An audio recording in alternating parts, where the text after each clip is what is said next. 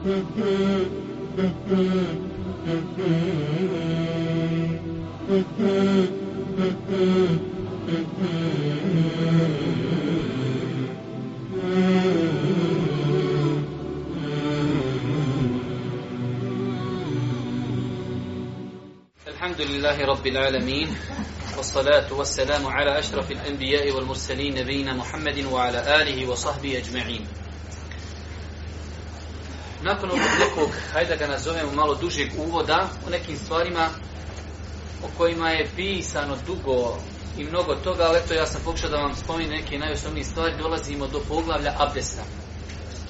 Normalno bitnost abdesta u islamu je velika, prvo zato što su za abdest povećane od strane Allahu poslanika se se selam nagrade. S druge strane zato što je abdest uvjet za validnost namaza sjetite se onog hadisa koji smo spomenuli malo prije, da je Allah kazao, Allah neće primiti namaz čovjeku sve dok ne uzme abdest. A opet, namaz nam je najbitnije djelo u islamu, tako da znači, onaj, kako se zove, bitnost abdesta u islamu je velika. Da bi abdest bio validan, prije toga treba da se ispune uvjeti, prvo da čovjek koji uzme abdest da je musliman znači nevjernik kada bi uzeo abdest, taj abdest mu ne koristi.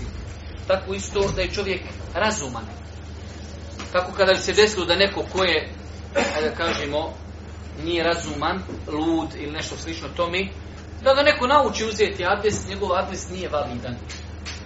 Također, da čovjek namjerava, pazite, ovdje je veoma bitno, sada nam dolazi do izražaja ona Pravna čistoća, stvarna čistoća. Kada čovjek hoće abdestiti, evo sada ja nemam abdesta reći. Hoću da abdestim. Šta ja želim? Želim da postignem pravnu čistoću. Ja sam čist, stvarno, ali pravno nisam čist. Ne mogu na, u namaz. Zato ko hoće da abdesti, nije ti u svom srcu, odnosno to ne treba bukvalno ni spominjati, da želi da abdesti, da se očisti pravno kako bi mogao klanjati.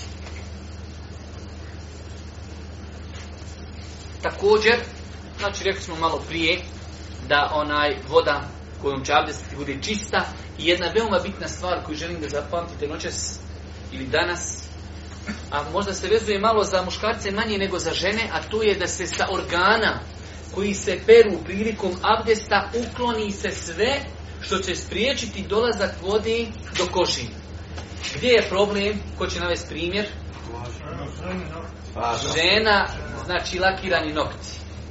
Kod žena nerijetko nam se dešava imamo žena koji redovno klanjaju godinama, ali na lakirani nokti. Takav abdest je neispravan, samim tim takav namaz obavljen je neispravan. Jer pogledajte koliko je prostora, koliko voda nije pokrila, znači deset nokata ili još ako dobro dodamo da je neka onaj sa sela pa i nožnije lakira, znači 20, onaj to ti je onda puno prostora znači na mjestima koja perimo prilikom abdesta od lica, ruku, nogu, glava, ona imate ljudi, šta ja znam, našli frizuru, stavio gel, ma ja ću to malo ovako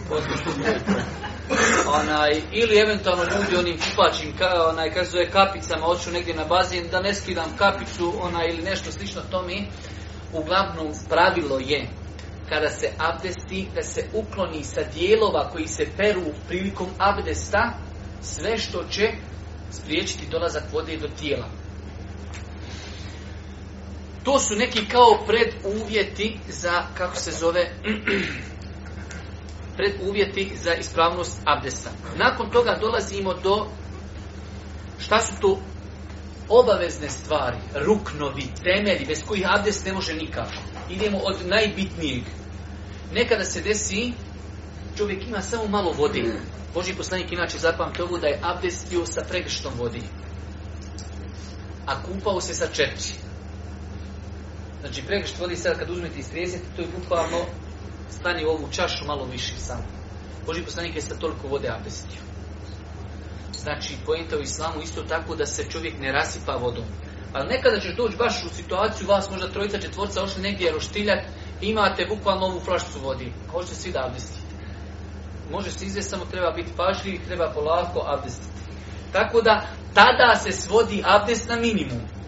Nećeš reći, e, de men da ja tri puta ruke operim, pa da ja tri puta ispirem usta i nos, pa tri puta da lice i nestalo vode, a ostali ne čekaju red. A ti ću upola, upola puta stavu.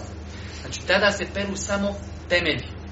To je ono bez čega ne može abdest. Prva stvar prilikom abdesta šta je obaveza oprati jeste lice. Pranje lica.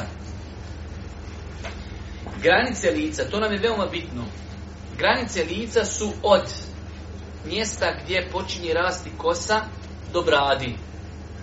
Ovdje gdje se spajaju vilice, do To je ovako. Što se tiče širine, od ove resice ovdje na uhu, od nje do ove resici. Što znači, treba oprati lice od početka kose sveta. Nekada se dešava ljudi zbog malo vode ili žurbe ili neznanja uzme vode, pljusne se malo i ovako opere do ovdje. Ovo je znači obaveza oprati. Zato kada abdestite, voda se uzima, znači i do kose i širina ušiju i ovdje do onaj, kako se zove, do ovog mjesta gdje se spajaju ovih dvije vilice po velikom broju učenjaka pod pojam lice ne potpada ispiranje usta i nosa. Ali isto tako imamo jedan broj učenjaka koji kažu naredba kuranska je, kuranski ajet, znači je obuhvatio ove četiri stvari koje ćemo sad spomenuti, spomenuo je Tagsiluhu džuhekom, operite svoja lica. U arapskom već je uzeto riječi stvar s kojom dočekuješ ljude. I onda oni kažu lice i nos potpadaju i to, shodno tome oni kažu oprati usta i nos je obaveza. Pars, vađim, kako hoćeš zovite ga. Znači, kada perimo lice ne bi trebali onaj, da propustimo pranje usta i nosa. Iako po tri mezheba oni kažu pranje usta i nosa je lijep, pohvalan čin. Ali ja vas učim tome da znate, znači, nikada nije zabilježeno da je Boži poslanik abdestio, a da je preskočio iz usta i nosa. Znači imamo prva stvar koja je bitna, oprati usta i nos, o kako ćemo govoriti malo poslije, i oprati lice u granicama koje smo rekli. Nakon toga pranje ruku. Imamo prije toga i tu je sunnet gdje ljudi peru se ruke do šaka, to je po konsenzusu Ali ovo pranje nakon lica, znači obuhvata ruke od vrhova prstiju do iza laktova. To je isto obaveza oprati. Imamo tu greške ljudi, dvije greške. Imamo određeni ljudi prije kada su počeli abdestiti, oprali su ruke.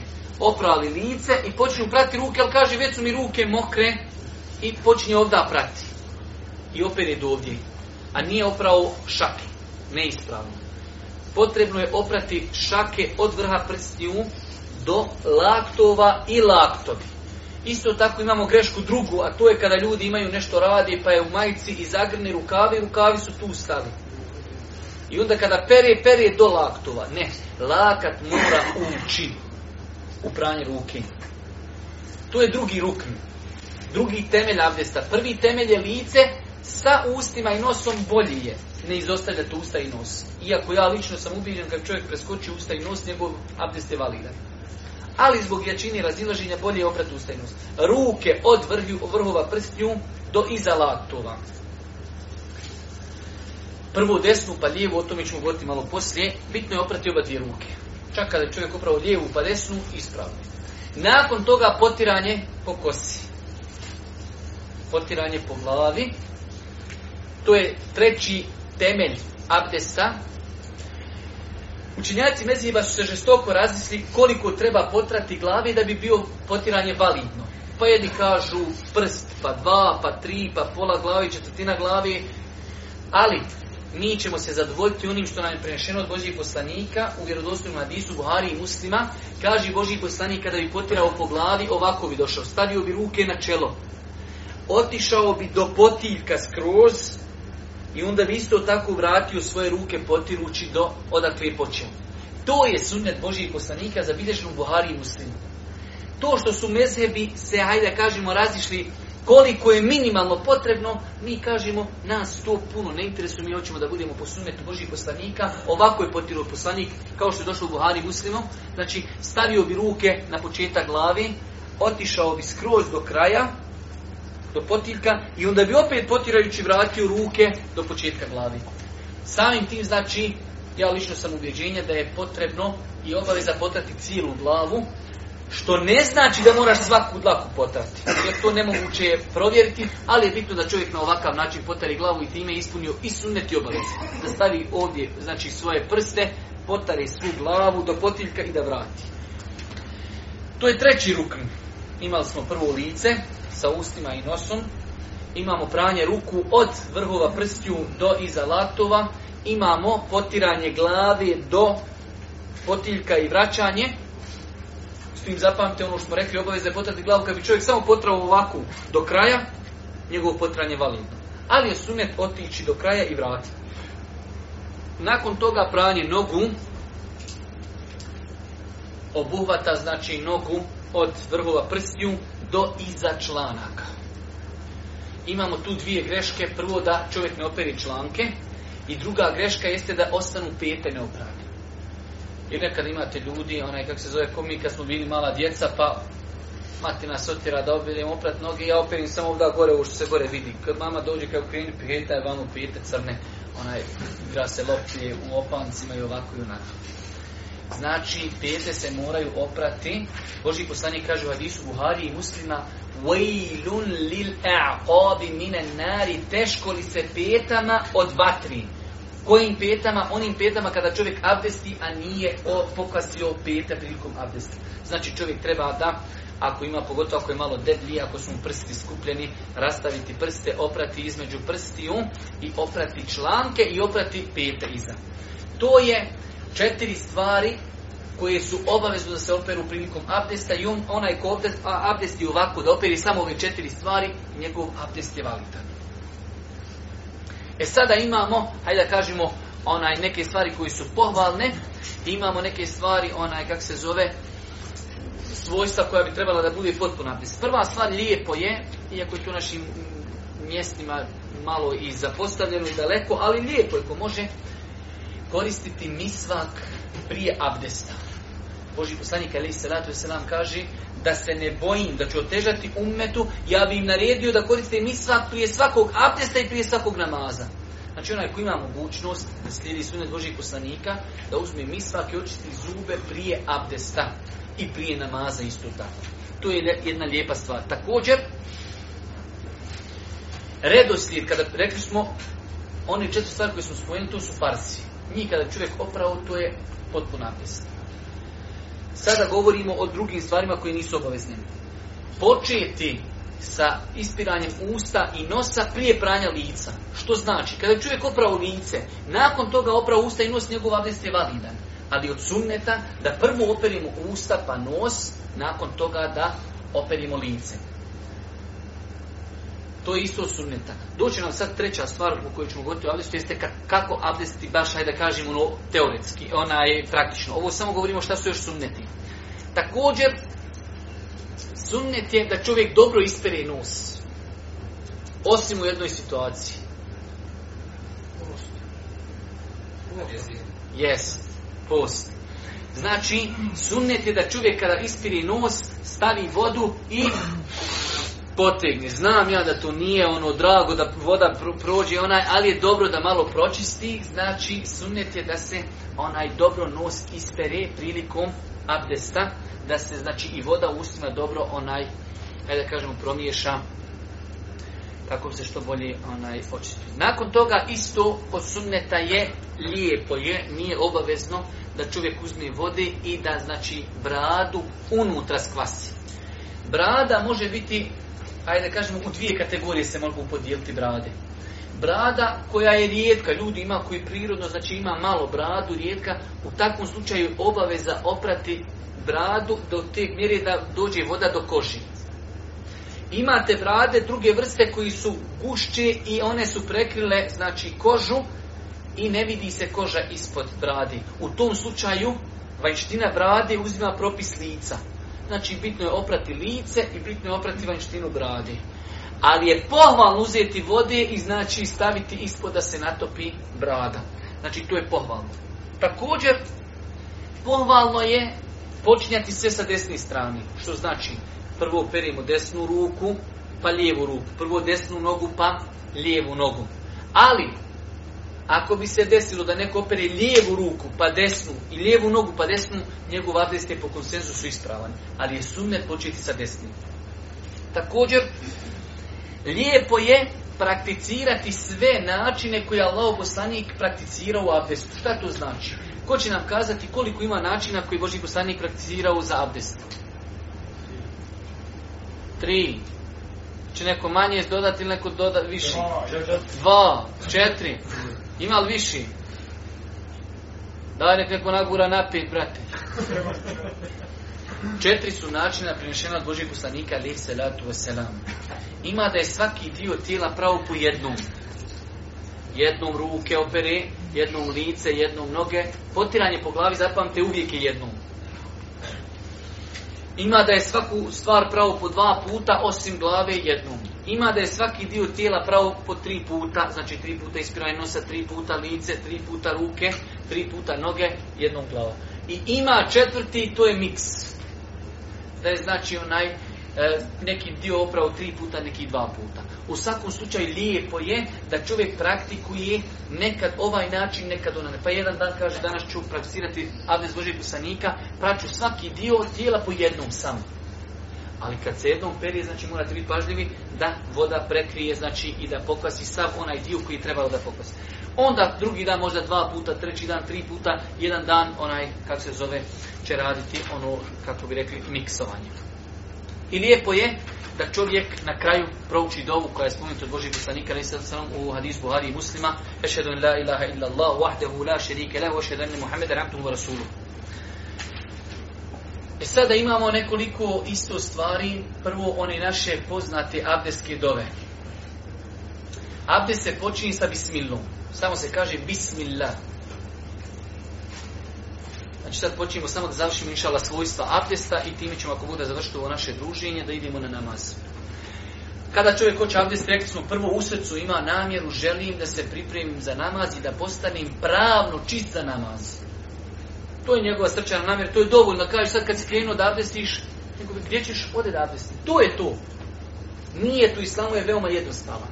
Dalje, prvo što će kazati jeste Bismillah. Oko ovoga Bismillah, da li je to obaveza ili nije, postoji jako razilaženje, ali hadisi koji su u Buhari i muslimu ne govori da je Boži poslanik govorio Bismillah. Ali ima i drugi hadis Boži poslanik kaže nema abdesta, inšala, potpunog onome ko ne kaže bismila na početku abdesta. Tako da je nema smetnja čovjek na početku ali se kaže bismila. Ali ako preskoči preskočio i ako bi zaboravio njegov abdest je Nakon toga opraće čovjek ruke do, znači samo šake tri puta. Rekli smo, nema abdeskih dova nikakvi, onaj iako su ljudi koji su to izmislili, izmislili su s dobrom namjerom, ali vjera naša je zasnovana na dokazima i ne možemo ništa uvjeri reći da je vjera osim sa dokazom. S druge strane, naš razum ne zna šta je dobro, šta je loše u pogledu vjeri. Znači, možda čovjeka sutra dođe i kaže, hoću konvertirati, primiti islam. Dobro. Kaže, hoću fin islam. Kažeš ti njemu, e, trebaš sad naučiti abdest. Kako? Kaže ovako. Pa etka, kaj nije to teško, opereš ruke. Ali kaže, imaš sad i abdestne dove e, Bogan tu je meni tiško. Mi ne znamo šta je, ajde da kažemo, lijepo uvjeri. I zato Boži poslanik kaže svaka novotarija je zabluda.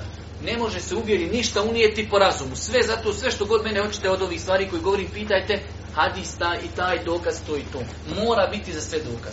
Znači, rekli smo, prvo čovjek ima namjeru da hoće uzeti abdest. Nakon toga kaže bismillah. Nakon toga pere tri puta ruke znači do šaka. Nakon toga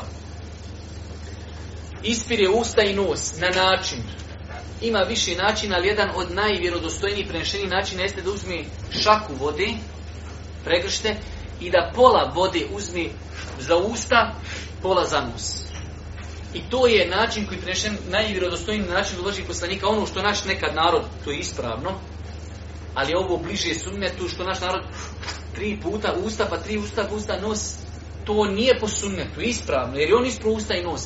Najbliži način sunnetu jeste da čovjek uzme šaku vode, pola za usta, pola za nos, desnom rukom, lijevom rukom osekni nos.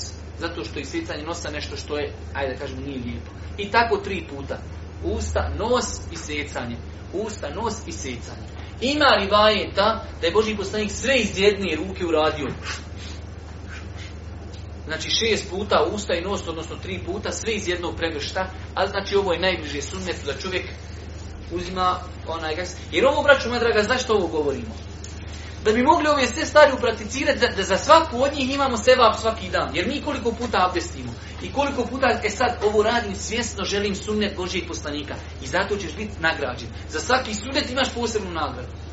Znači nima smetnje neko uzmi tri puta usta, tri puta nos, njegov nama abdest je validan. Jer je istro usta i nos.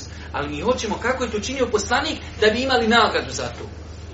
Pa smo rekli, znači, uzima se, znači, onaj pregršt vode jednom rukom, pola za usta, pola za nos, lijevom rukom i secanje. Nakon toga, rekli smo, peri se lice, onako kako smo pojasnili, od nicanja kosi do onaj mjesta gdje se spajaju dvije vilice i, znači, dužinom od ove mehke resici do ove mehke resici. Znači, sve to treba oprati. Nakon toga, čovjek će prati ruke, onako kako smo to pojasnili, od početka prstiju do iza laptova, inšala oko toga nema nikakve onaj neke velike filozofije. Nakon toga potiranje po glavi, onako već kako smo to pojasnili, znači na način što će staviti svoje ruke na početak čela, otići do kraja i vrati se. Nakon toga će prste staviti uši i potrati uši. Nakon toga onaj dolazi nam pranje nogu, kao što smo malo prije pojasnili, onaj pranje nogu da čovjek se potrudi, ako pogotovo kod malo debljih ljudi, znači ako su spojeni prsti, da se potrudi da skvasi između prstiju, onaj kako se zove, kako bi se ne bi desilo da ostane nešto što nije oprano. Nakon toga uči onu dovu koju smo malo prije citirali, ako Bog da, to je ono što bi trebalo da svaki musliman zna vezano za abdest. Samo dvije ili tri napomene i time ćemo ako Bog da završiti. Prva stvar, čovjek koji uzme abdest i zna, kaže, uzeo sam abdest sigurno, poslije posumnja da li ima abdest. Primjer, čovjek je kranjao podne i abdestio. Došao u kući, sjedio, nešto čitao literaturu, neku uči jezan za ikindiju. Imam li abdest ili nemam abdest? Znam, kaže, da sam ga uzeo, ne znam da sam ga izgubio. Mi kažemo, osnova je vrati se da imaš abdest. Sve dok nisi siguran da si ga izgubio. Što znači, na podne sam ga uzeo, sjedio sam u kući, čitao sam knjigu, uči jezan za ikindiju, ja sam pod abdestom. Suprotno tome, dođe čovjek i kaže, ja sam siguran da sam izgubio abdest u 11 sati nakon toga sumnja, možda sam abdestio, možda nisam. Mi mu kažemo, vraćaj se na onu osnovu, a to je nemaš abdest. Znači, vraćamo se uvijek na osnovu. Ako kažeš, ja znam da imam abdest, ali sumnjam da li sam ga izgubio. Mi kažemo, imaš abdest. Suprotno tome, kaže, znam da sam išao u WC, sigurno, ali se ne sjećam, jesam li abdestio, što svaki put poslije WC-a ja abdestim. Mi mu kažemo, ti nemaš abdest. Zato što znači onaj kak se zove je sigurno da, ga, da si ga izgubio. Također od lijepih stvari nakon nije loše da čovjek spomeni jeste da nema smetnje, i time ćemo završiti ovo naše današnje treće druženje, nema smetnje da čovjek razgovara u toku abdesta ako ima zatim potreba. Imate kod nas neko uvjeđenje da, da se ne smije pričati u toku abdesta. Nema smeta čovjek kaže nekom čovjeku ponesi mi vode ili eventualno ako je neko ušao u kuću selam alejkum kako ste. Znači nema nikakve smetnje da čovjek razgovara prilikom onaj e, uzimanja abdesta. Rekli smo na početku veoma bitna stvar, a to je da bi namaz bio ispravan i da bi bio abdest ispravan treba čovjek da sa svoga tijela ukloni sve što će spriječiti dolazak vode do tijela. Nakon što smo govorili o abdestu. O tome šta su temeljne stvari u abdestu, spomenuli smo oni četiri stvari. Imaju još dvije stvari koje nisu sastavni dio abdesta, a to je da stvari ove koje smo spomenuli, kada su u pitanju ruknovi, moraju ići redoslijedom. Tako da ne može čovjek oprati ruke, pa kosu, pa lice, pa noge. Onako kako smo i mi spomenuli četiri stvari, znači lice, ruke, glava, noge. To je taj redoslijed koji mora biti i to je peti temelj abdesta. Mora se držati redoslijed. I šesti temelj abdesta, temelj, jeste da bude uzastopnost. Šta znači uzastopnost? Da čovjek, može se ovo desiti u današnje vrijeme pogotovo, počinješ abdestit. operiš lice, zove telefon. I ti uzmeš telefon, javiš se i neka te nazove tamo sestra, moraš sa njom dogovoriti sad ono sistem for, gdje ćete se vidjeti, gdje ćete se naći. I dok vi dogovorite gdje ćete se naći, 15 minuta, ti poslije ispustiš slušalcu, ruke se već osušile. Šta ćeš? Hoćeš iz početka ili ćeš nastaviti? Znači, uzastopnost treba tako da bude, ajde kažemo, brza, do te mjere da organ koji se oprao zadnji ne smije se osušiti prije nego što opereš sljedeći organ. Ako se osušio, Gotovo. Što znači u ovom slučaju? Počeo si abdes, opravo si lice i neko te nazove. I ti sa njim, ako smo samo slučajno kazu, da, da, tu sam u kući bujrum, spustiš slušao nastaviš abdes. Lice i dalje je mokro. Nastavljaš gdje si stao. Ali ako ti sa ako imaš pogotovo neđavne impulse, i 15 minuta poslije dođeš suho lice. Počinješ iz početka. Jesmo to shvatili?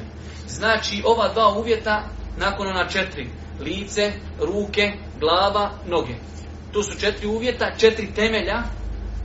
Peti je da bude redoslijedom ovakvim i šesti uzastopnost. Ako bi se napravila tolika pauza da se jedan dio onaj abdestni suši, počinjemo abdest iz početka. E, sada dolazimo do jednog momenta koji se opet vezuje za abdest, a to je potiranje po mestvama i čarapama. Jer zašto sad tu o tome govorim? Pogledajte kako tu učenjaci se redaju. A, kada sad abdestiš, jedan dio od dijelova abdesta može biti prekriven čarapama ili mestama. Šta ćemo, kako ćemo se ponašati u toj situaciji?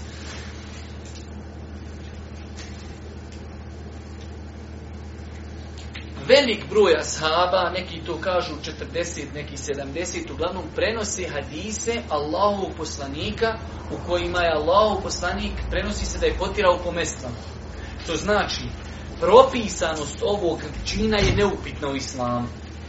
Normalno sad imaju uvjeti šta, kad i kako, ali kao to, pošto imate određeni sekta, jedna od njih je onaj šije, oni smatraju neispravnim potiranje po Mi kažemo, zabilježeno je u više od 70 hadisa Allahu poslanika od različitih ashaba, da je Allahu poslanik, poslanik potirao po tako da u pogledu toga čovjek nema ako Bog da mi. Čak imam Tahavija, vi znate, čuste za knjigu Tahavijska akida, znači i on navodi tamo da je od odlika ehli sunnete da smatraju dozvoljenim potiranje po mestvama. Iako je to pitanje fiksku, ali onog momenta kada se u tom pitanju razišao ehli sunnet sa nekom sektom, imam Tahavi spominje to pitanje u akidetu. U svakom slučaju, znači, propisanost i validnost tog postupka je neupitna u islamu. E, to je jedna stvar. Druga stvar, šta je bolje? Potrati ili oprati noge? Ovako kažem, onaj insan čije noge su bose, znači njemu je bolje oprati. A onaj insan koji već obukao mestve i obukao čarape, normalno obukao, i a o, o uvjetima ćemo poslije, obukao ih na abdesne noge nakon abdesta, njemu je bolje da potari. U smislu da ne radi suprotno onome na čemu se sad nalazi. Ako si došao abdestit, u tebe bose noge, peri noge. Ako si došao abdestit, a imaš čarape na nogama ili imaš mestve na nogama, a kao si te mestve i čarape na abdestne noge, potari nemoj skida čarape. Je vam to sad jasno? Ako nije da ponovimo još jedno. Znači, kada te neko upita šta je bolji, potrati po mestvama ili oprati noge, ti mu kažeš shodno situaciji. Ako se čovjek nalazi u situaciji da su mu bose noge, znači on će oprati noge. Ako ima čarape, ima mestve, ali pod uvjetom da ih obuka, jer ja znam dosta ljudi dođu u stanu i ljudi neko potire po čarapama, oni mogu i ja, i potari. Ne može svako potirati po čarapama. Moraju se čarape obući nakon abdesta. Ili, ne mora biti odmah nakon abdesta, u periodu još dok nisi izgubio abdest. Ako ih obučeš tada, možeš potirati. To je drugo znači pitanje. Imali smo prvo pitanje da je validnost potiranja po mestvama neupitna. Druga stvar jeste šta je bolji, potirati ili prati noge, rekli smo shodno situaciji. Ako su ti bose noge, bolje da operiš, to je jedina opcija. Ako ti nisu bose noge, znači ako imaš već čarape i imaš onaj kak se zove mjesto na nogama, onda je bolje da potariš i da se ne trudiš da skidaš tu, pod uvjetom da se to uvukao na mjesto. Imamo drugu situaciju, velik broj mezheba je uvjetovo da ono po čemu se potiri u pogledu mestvi treba da bude od koži. I to su mestve. U arapskom jeziku su mestve ono što je od koži. Inšala, ispravno je, inšala, ispravno je da se može potreti po čarapama koji su debele, koji znači, hajde kažemo, jednostavno nisu providne, iz razloga što je to prenešeno od po nekima deveta sava da su potirali po čarapama. U osnovi čarapa i mestva razlog zašto je šarijat dopustio da se potiri po njima teškoća skidanja. Pa kao što je teško skinuti mjesto, isto tako je teško skinti i čarape. Tako da nema smetnje, inša Allah bi iznila, onaj da se čovjek kada abdesti, ako ima već čarape na nogama, a kao je te čarape na abdestne noge, da potarje po čarapama. To je treća stvar. Treća stvar je bila, znači, da li postoji razlika između kožnih mestvi i čarapa koji su od nekog platna tkanine, znači nema razlike, inšala može se potirati i po, po koži, po i po čarapama. Četvrta stvar, da li se potirane po mestvama eksplicitno vezuju za zimu? Ili da li se vezuju samo za putovanje? Ni za zimu, ni za putovanje. Tokom cijelog ljeta čovjek može potirati po čarapama, ne u toku, toku cijelog ljeta, nikad ne skida čarape, normalno da mu se svrtle i noge čarape, mislimo, znači da može potri jedan dan pa skini čarape, abdesti, pa opet još jedan dan i tako tokom cijele godine. Isto tako i na putovanju. Znači nije, određen broj ljudi smatra potreba samo kada je hladno, kada je zima. Ne. U najvećem augustu i julu, kad su najveće temperature, ako su ti čarapi na nogama, obukao si na, na abdesne noge i abdesniš, možeš potrati. To je četvrto pitanje, veoma bitno. Peto pitanje, koliko vraži period potiranja po mestvama? Lako zapamtiti, Vidim vas slabo pišim, da vi ste sljedeći put kad dođem, kada počnem pitati ovih pet pitanja da mi neko nabroji. Peto pitanje znači čovjek koji je mu kod nije putnik. Potire dan i noć. Potire po mestvama ili po čarapama dan i noć. A čovjek koji je musafir, a poslije ćemo govoriti inšalo o propisima musafira, ali evo sad kažemo samo musafir koji putuje dalje od 80 km, on može potirati po mestvama tri dana i tri noći da ih nikako ne skida prilikom abdesta. Nemoj da neko dođe i kaže ja kad se kupam, onaj digne mnoge uzrak da ne bi spasio mestve i kupam se i potiram po mestvama prilikom kupanja. Ne. Potiranje je samo za abdest. Potiranje po mestvama se eksplicitno vezuje za abdest. Musafir može tri dana da ne skida mesta i može potirati po njima tri dana i tri noći, a čovjek koji je kod kući ili tu negdje u gradu se da ne mora sad neko sati u kući, samo u kući mogu slo smiješ izaći do i potrati, isto ti je to. Znači čovjek koji je u mjestu boravka može potrati dan i noć. Čovjek musafir može potrati tri dana i tri noći i o tome nam govori hadis u muslimo da li je radijallahu ta'ala anhu. I to ovaj hadis prenosi Alija u muslimu. A šije negiraju potiranje po mestama. A Alija njihov imam. Ali eto, tako je kad insan uzme vjeru onaj za, da se igra sa njom i kontradiktornost izvodi. Znači, Alija Allahu anu u četvrti hadita se hadis Božih poslanika da kaže Allahu poslanik Musafir će potirati tri dana i tri noći, a čovjek muqin koji god će u mjestu boravka tri dan i noć. Dobro. Pitanje, pazite sad, ovo sad svi morate slušati, Ko znadni odgovor dajemo mu knjigu. Usto sam iza jutra na sabah, prije sati. Abdestio sam. Klanio sam sabah. Obukao sam čarape u 6 sati, još nisam izgubio abdest. U 6 sati. Znači ustao sam u 5 abdestio.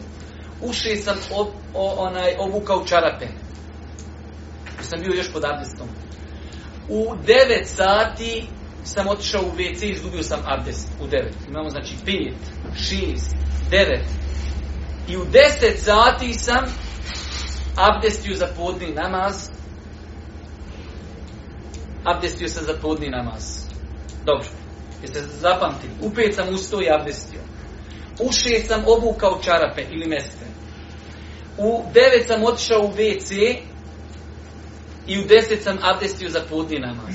E sad, mi smo rekli čovjek koji kod kuće ili musafir, čovjek kod kuće broji 24 sata dan i noć. Od kada će početi brojati?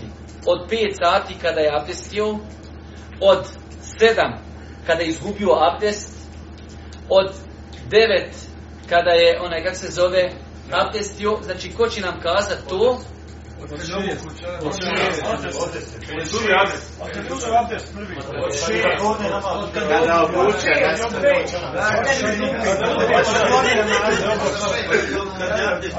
Od sačekajte.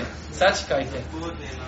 Vi Obuko je uši. Jes, znači rekli 5 sati abdestio. U šest obuko mjestve. U devet izgubio abdest. U deset onaj, kak se zove, abdestiju.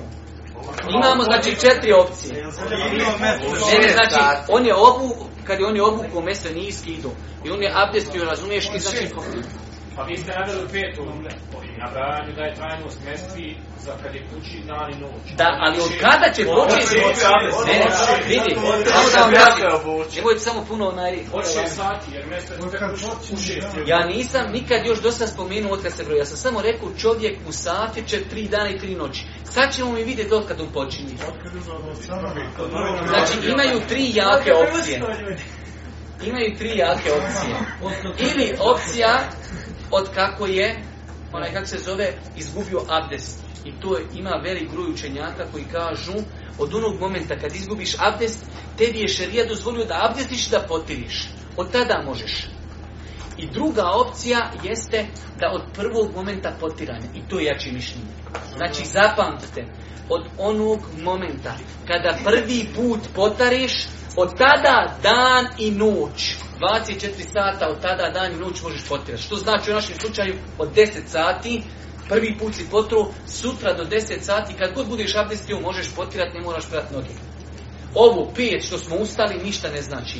U šest što smo abdestili ništa ne znači. U devet što smo izgubili abdest, po finom mišljenju čeljaka kažu do, od tada počinješ. Ali ispravno, inšala bi iznila, od deset sati po ovom našem primjeru.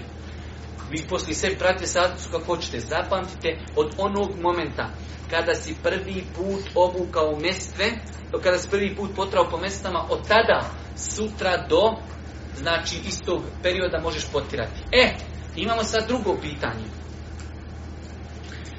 Ja sam evo u, 9, u 10 sati abdestio i potro sam mestvama. U 11 sati ja skinem sve. Nešto mi ček, noću malo ići prošetati u papućama. Ja sam uzeo u 10 sati abdest i potro mestvama. U jedan sam skinuo, ali sam ono i dalje pod abdestom bio. Da li skidanje mestava tvari abdest? Kako ne Nekvar, jer ima primjer. Ja sam deset, u deset sati kad sam abdestio, potruo sam po mjestu. Evo, primjer.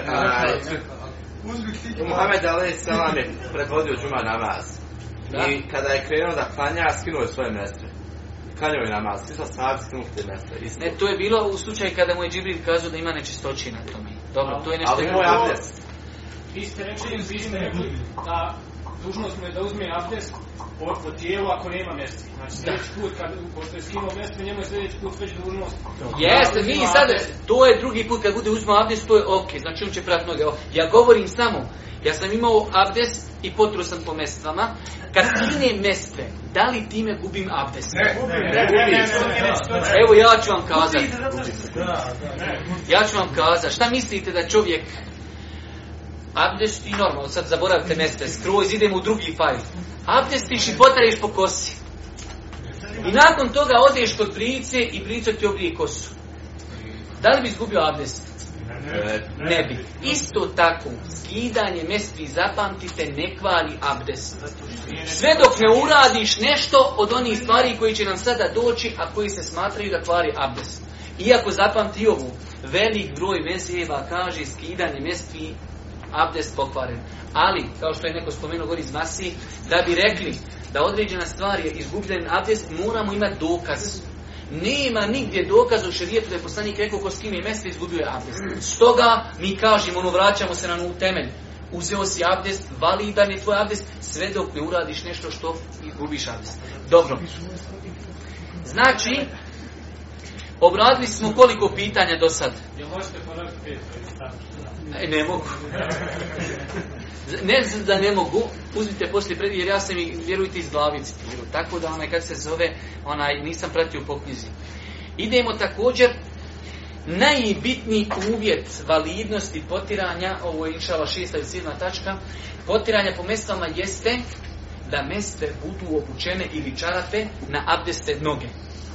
Šta znači na abdeste noge? Znači nakon obavljenog uzetog abdesta. I nije uvjet odmah da mora biti.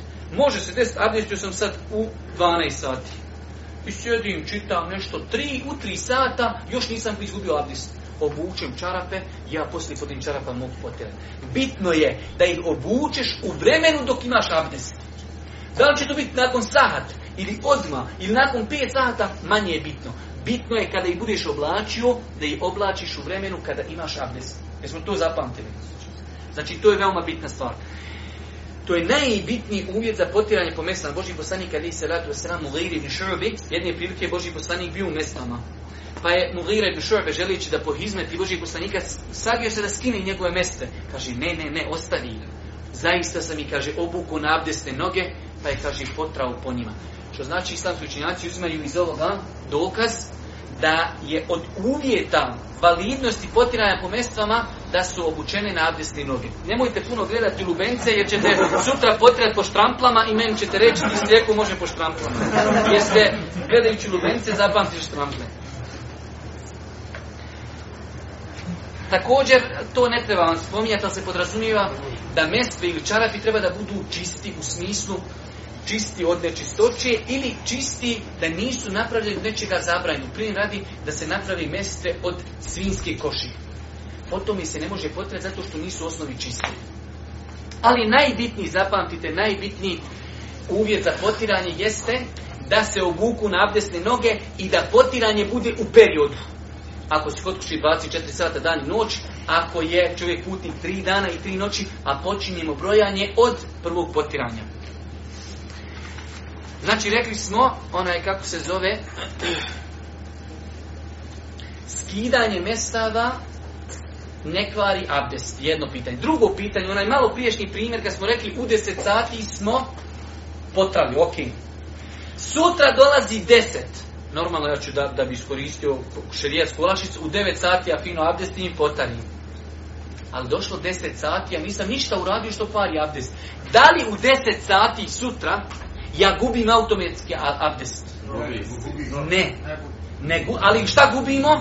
Gubimo pravo na potiranje, ali nam abdest ostaje validan. Isto ima učenjaka koji kažu, onog momenta kad ti nestane vakta, to ti kredita, prekida se. Nije isto, imamo i dalje mrežu, ali nemamo kredita. Znači, a nama je mreža bitna. Znači, sutra u 10 sati, šta je? Prestala ti je mogućnost potiranja, ali ti možeš sutra u 9 abdest bude se prestalo potiranje.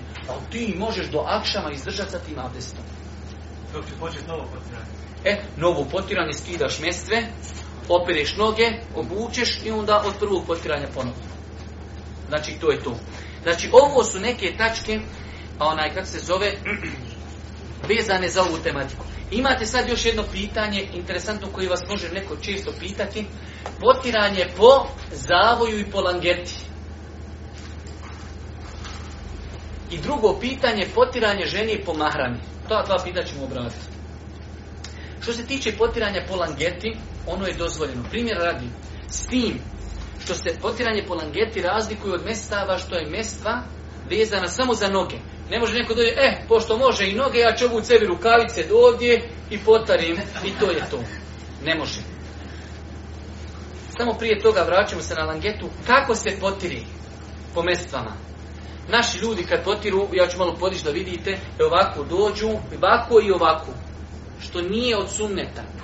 Od sunneta da čovjek stane i stavi ruke ovako. I samo ovako povuče s gornje strane. Ali radi Allah anhu kaže u vjerodostom Adisu, kada bi vjera bila, kaže, po našim nahođenjima, donji dio noge bi bio preći da se, kaže, potari, zato što se ozdol mogu mjesto isprljati. Ali, kaže, ja sam vidio poslanika da potiri ozgor i mi potirimo samo ozgor.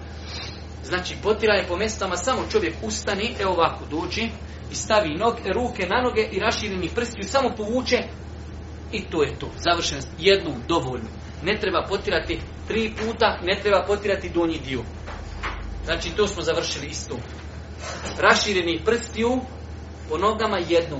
Onda ima ljudi koji smatraju da bi vadili bilo potiranje, treba tu malo namokrit kao da bude polu mokro polu. Pa uzmi malo vode, pa škropi, pa malo pot... Nije šerijat htio od tebe tu. Šerijat od tebe želi da potariješ i tu je tu. E, sad se vraćamo onoj našoj langeti. Razlika između zavoja i langeti ili gipsa jeste u dvije stvari. Prva stvar, što za zavoj, gips i langetu nije uvjetovana čistoća, u smislu abdesta. Jer ti čovjek slomi ruku i kažu, e sad hoćemo mu stavljati gips, i daj ga da uzme abdest, pa ćemo mu poslije stavljati gips. Čovjeku oči i boli ruka. Znači stavlja se kips bez abdesta. I nije uvjet. A rekli smo za, za mestve mora abdest biti. Nemaš abdesta, ni obuko si čarepa, nisi imao abdest, nemaš potreba to njima. Glavna razlika između langeti, gipsa i zavoja i mestava jeste što meste se moraju obući na abdesne noge, a, a zavoj, langeta ili gips nešto što je slično tome i ne mora. Druga veoma bitna razlika jeste da langeta, zavoj ili nešto što mu je slično gips može biti na svim dijelovima tijela dok mjeste samo mogu biti na nogama. Znači može biti langeta ili gips na glavi, na ruci, na nozi, znači dozvoljeno je potom i potirati. I treća najbitnija razlika isto jedna od bitnih, jeste da potiranje po langeti, gipsu ili nečemu što mu je slično, nije vremenski ograničeno. Za mestve smo kazali šta? Ako si kod kući dan i noć, ako si putnik tri dana i tri noći, dok gips, langeta ili neke slične stvari može se potirati dok ne ozdraviš. To je tako jedna veoma bitna stvar. Znači, da inšala, i to je, to je praktično, to vjerujte često treba. Potiranje žene po mahrani, Lavo poslanik zabilježeno u vjerodostojnim hadisima da je potirao po turbanu. Analogno tome imate predaj od žena Božih poslanika da su potirale po mahrani. Naravno što mi današnje vrijeme, ja dajem petve da je našim sestram, vi imate žene koji rade u školi, žene koji rade u državnim institucijama, tu ima neki možda javni WC gdje ona može abdestiti, je njoj teško da skine mahramu jer je avret žene i kosa. I teško bi bilo poslije da naštima iglice i lovo i lono. Znači, u toj opciji, ako Bog da ženi je dozvoljeno da ka prilikom abdesta da uzme i samo da potari po mahrami i njeno inšala, njen abdest je validan. Svakako onda kada je kod kuće, bolje da to ne čini. Ali ako ima potrebu za tim, negdje je otišla kod doktora, u javnoj instituciji, negdje je na putu, u autu, šta znam, u autobusu ili ovako ili onako, žena kada abdesti sve će oprati kako treba, a kada je u pitanju mahrama, može potrati o mahrami, jer je to zabilježeno od supruga e, žena Božih poslanika, ali se To su neka pitanja vezana za potiranje. Sada idemo do kraja dersa da začeš završimo, kratko, i tu ćemo stati ako Bog da na propisima e, šerijatskog kupanja gasula ili gusula.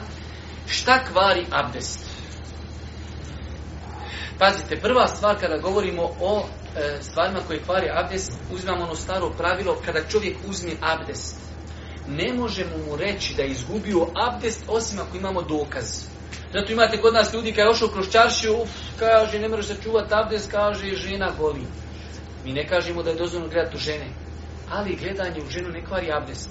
Osim ne do Allah da se desi da je imao napad neki žešći, pa da je imao ili mezi, ili da je imao spermu ili nešto to, tada se mora kupati. Ako je sperma, ako je mezi, onda treba kupiti abdest. Ali ako je, znači, čovjek ostao pri pamijeti normalan, onaj, to što on vidio može razumiješ da bude onaj haram ili ne, ali u svakom slučaju onaj ne kvari abdest. Ili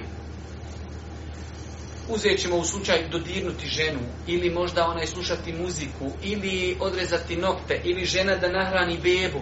Mnogo ti nekih stvari naši ljudi imaju ubjeđenje da kvare abdest, a one nemaju nikakve veze sa abdestom. Zato uzmite sebi jedno pravilo. Onog momenta kada čovjek uzme ispravno abdest, ne možemo mu reći, nemaš abdest osim ako zato imamo dokaz.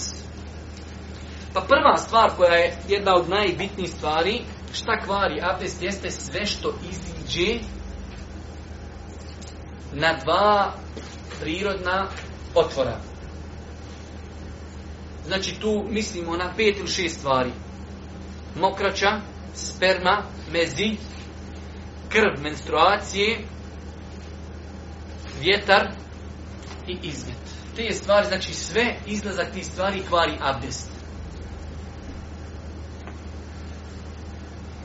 Znači prva stvar koja kvari abdest, izlazak sve što iziđe na dva prirodna otvora, bez obzira da li se radilo o mokrači, da li se radilo o spermi, da li se radilo o meziju, da li se radilo o krvi, hajza i, i, i da li se radilo o izmetu ili se radilo o puštanju vjetra.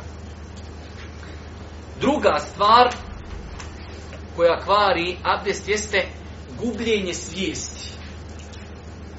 Na bilo koji način da čovjek izgubi svijest, izgubio je abdest treba ponoviti abdest, da li što je izgubio svijest tako što je pao u nesvijest, bukvalno, izgubio svijest potpuno, ili je izgubio svijest zato što je zaspuo.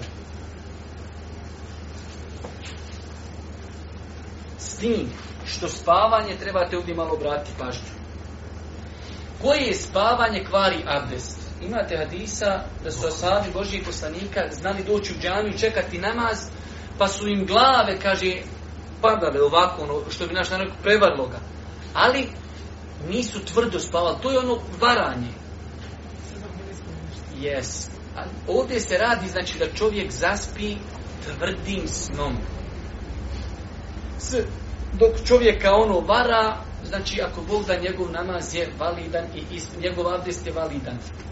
Jer imate hadise više hadisa u poglavlju abdesta koji se mogu pomiriti kao njihova kolizija jedinu na način da kažemo tvrd stan kvari abdest i to opet tada ne možeš reći kvari abdest, već kažeš postoji mogućnost da mu se izgubio abdest, a ti nisi bio u svijesti i ne znaš, zato obnovi abdest. Dok ono, ako bi čovjek, onaj kako se zove, malo ga prenijelo ili primovan ili ovako, onako pospan, to ako Bog da, ne kvari abdest. Ali, ako bi čovjek zaspao, da zahrči i 15-20 minuta spava i onda ustani kaže, ma nisam, nisi malo Znači, tada, onaj, kak se zove, obaveza da čovjek ponovo abdesti. Treća stvar, ovo je po jednom mesebu, ali pošto su dokazi jaki, iako je to kod nas malo potrebno, ali jedin je devinog mesa. Imate više vjerodostojnih hadisa da je Boži poslanik, ali i u kazao da onaj koji jede devino meso, da treba da obnovi abdest. Zašto je to tako? Nas, onaj, kako se zove, puno, kao što je podni četiri, na četiri farza, a akšan tri. Što je tri a podni četiri, ne znam. Isto tako, zašto devino meso kvari abdest, a ovcino ne kvari? Ne znamo, poslanik rekao i to je to. A šta se ne Treba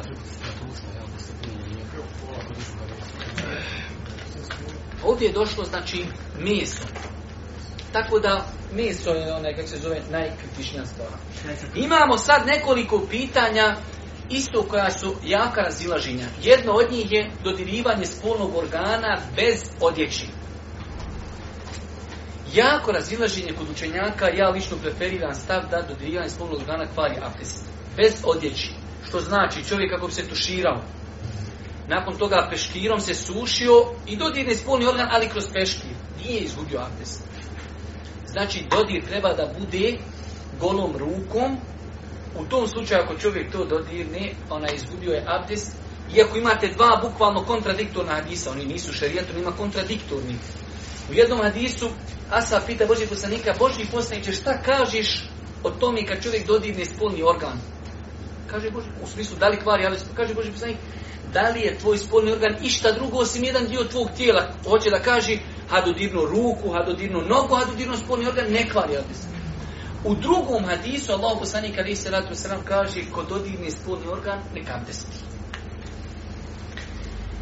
I sada dolazi, ajde da kažemo, tu je duga tematika da vas time ne umaram. U svakom slučaju ja smatram da je preći dati prednost ovom hadisu koji Boži poslanik kaže, dodirivanje spolnog organa kvari abdest, nad onim hadisom kojim kaže da li je on spolni organ išta osim sastavni dio tvoga tijela.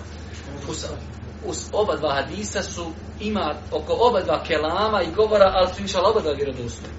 Ali imate to, sam se bojim da vas ja ne opterećujem, imate znači načine kako islamski učinjaci kada dva hadisa izgledaju na izgled kontradiktorni, kako se pomiruje njihova kontradiktornost.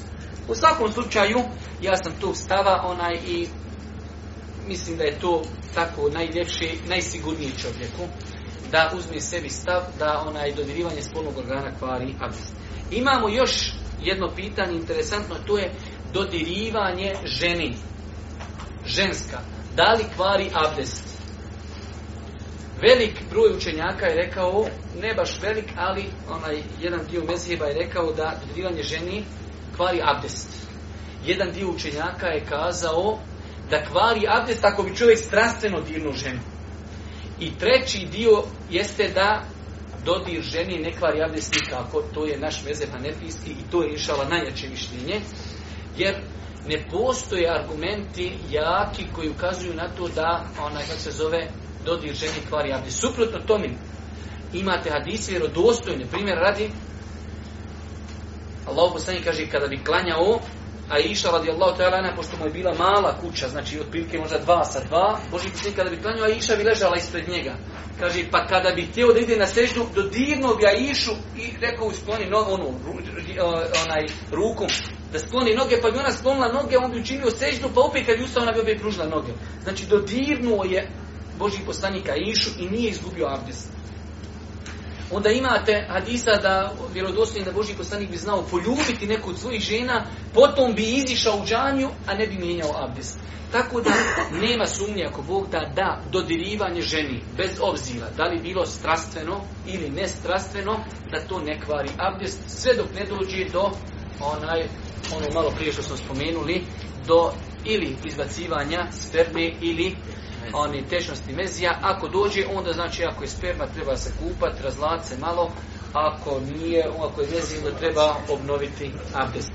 Da li isticanje krvi, onaj kvari abdest? Malo prije smo govorili da li je krv nečista. Sad imam drugo pitanje.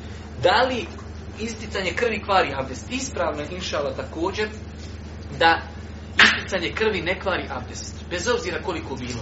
Jer Imate više vjerodostojnih hadisa da je neko da Sava znao biti pogođen strijelom, kopljem, gdje bi bukvalno šikljala krv iz njega, gdje je bio u namazu pa bi nastavio svoj namaz. Također eh, hadisi gdje su asabi bili po bitkama, nikad ni Boži poslanik mi rekao, a onaj ko bude ranjen i mi bude tekla krv, izgubio je abdest. Tako da inšala ispravno mišljenje, da pa su spomenuli da je krv nije nečista, da je čista inšala i ovdje ispravno mišljenje da isticanje krvi ako Bog da onaj e, neće uzrokovati kvarenje abdesta, Allah. I imamo povraćanje, neki učenjaci spominju da i povraćanje kvari abdesta, ali ispravno ako Bog da, da onaj povraćanje ne kvari abdest, nema nikakve veze sa abdestom.